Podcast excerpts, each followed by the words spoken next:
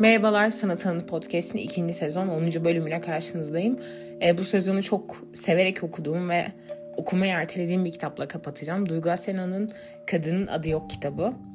Bu kitabın neyi anlattığından bahsetmeden önce ben bu kitabı uzun süredir biliyordum. Ki bence şu an okuyan kadın arkadaşlarımız varsa onlar da bu kitabı okumadıysa duymuşlardır. Çünkü Türkiye'de feminist hareketin öncü eserlerinden biri çoğu kadının duyduğu bir kitap olduğuna eminim. Hatta filmi de çekildi daha önce. Filmini izlemedim ama muhtemelen izlerim. Ee, anahtar sözcüklerimize gelecek olursak cinsiyet eşitliği, güç, norm ve toplum. Ee, Doğan kitap etiketiyle raflarda 198 sayfa ve roman türünde.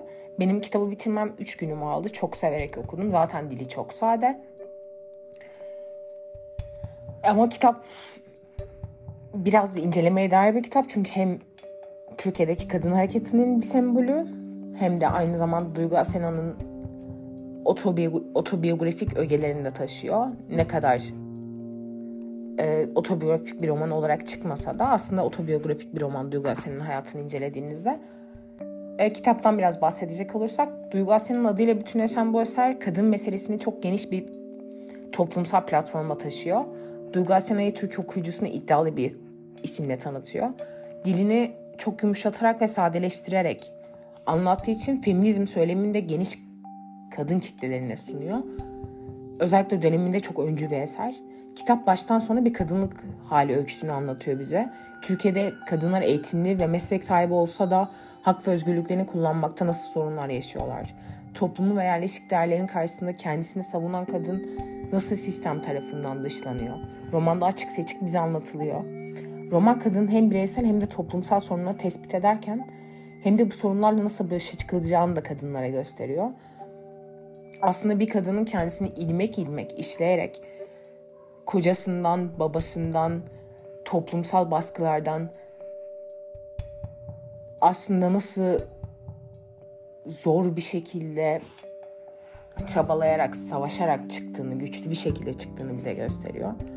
Aslında bu kitap bir kadın manifestosu. Bir başka ifadeyle toplumun iki yüzlülüğüne bir karşı çıkış olarak değerlendirilmesi gerekiyor bence bu romanın. Topluma ve kadına yönetilen, yöneltilen tabulara nasıl hesaplaşacağını bize gösteriyor. Özellikle bir kadın için bu çok önemli çünkü ne zaman bir kadın ayağa kalksa aslında bütün kadınlar için ayağa kalkar. Eser bütünüyle kadının sosyoekonomik ve psikolojik olarak güçlü olmasının özgürlüğe açılan tek yol olduğunu bize gösteriyor.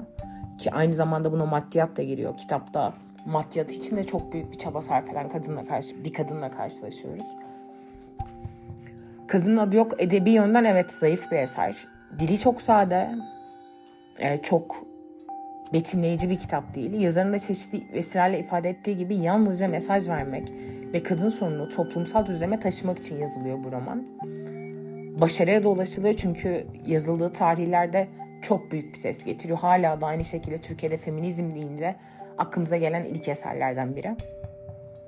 Gerçekten dediğimiz gibi yazar amacına ulaşıyor ve roman yayınlandığı tarihten itibaren kadının çığlığını güçlü bir şekilde duyuruyor bize.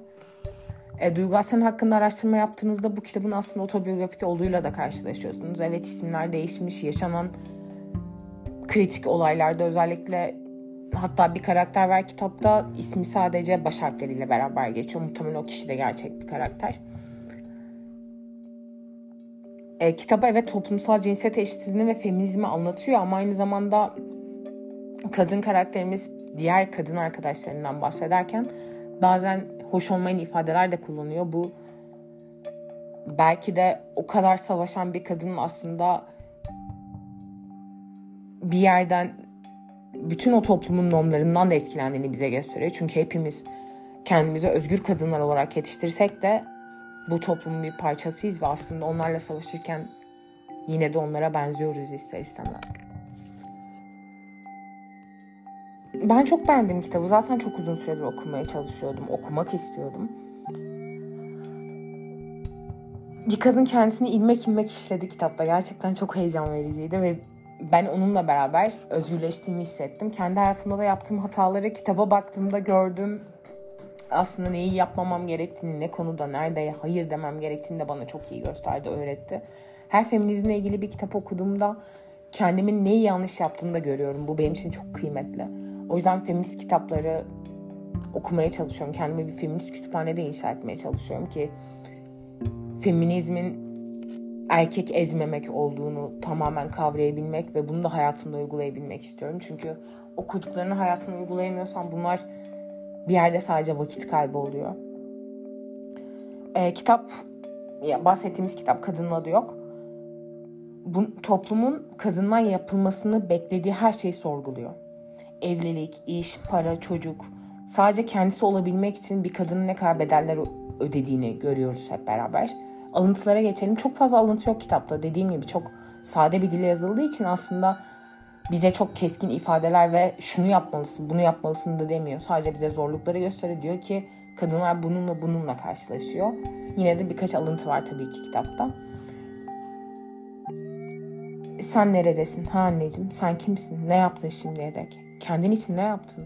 Umutların hani var mıydı ki kutsal annelik? Bu sayfa 75'ten.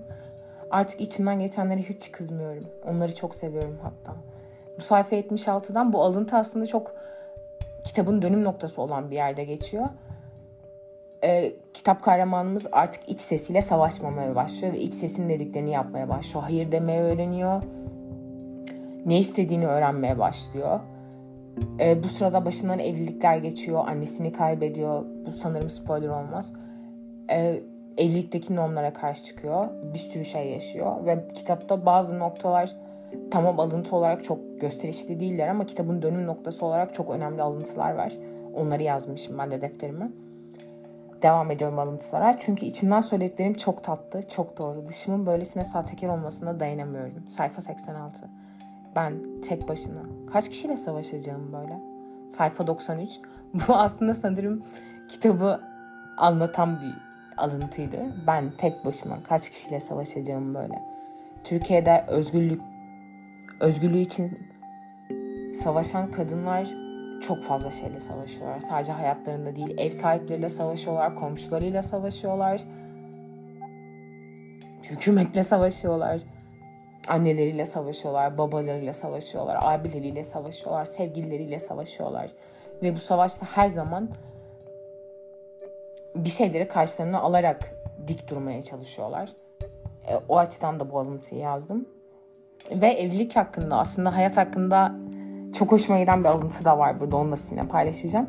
Dostluk da saygı da eşitlik de olur. Anlamıyor musunuz? Eşitliğin olmadığı yerde ikisi de yok. Bu da kitabı özetleyen alıntılardan biriydi. Ben çok severek okudum. Ee, Türkiye'de böyle yazılmış bir feminist roman olmasından da çok mutluyum. Ya bu kısım bizde ne kadar eksik olsa da bu kitabı hem cinslerimin duyduğunu eminim okumalarını da öğütlüyorum ki bence erkekler de bu kitabı okumalı. Böyle işte 3. sezonda çok güzel kitaplarla tekrar görüşmek üzere. Hoşçakalın.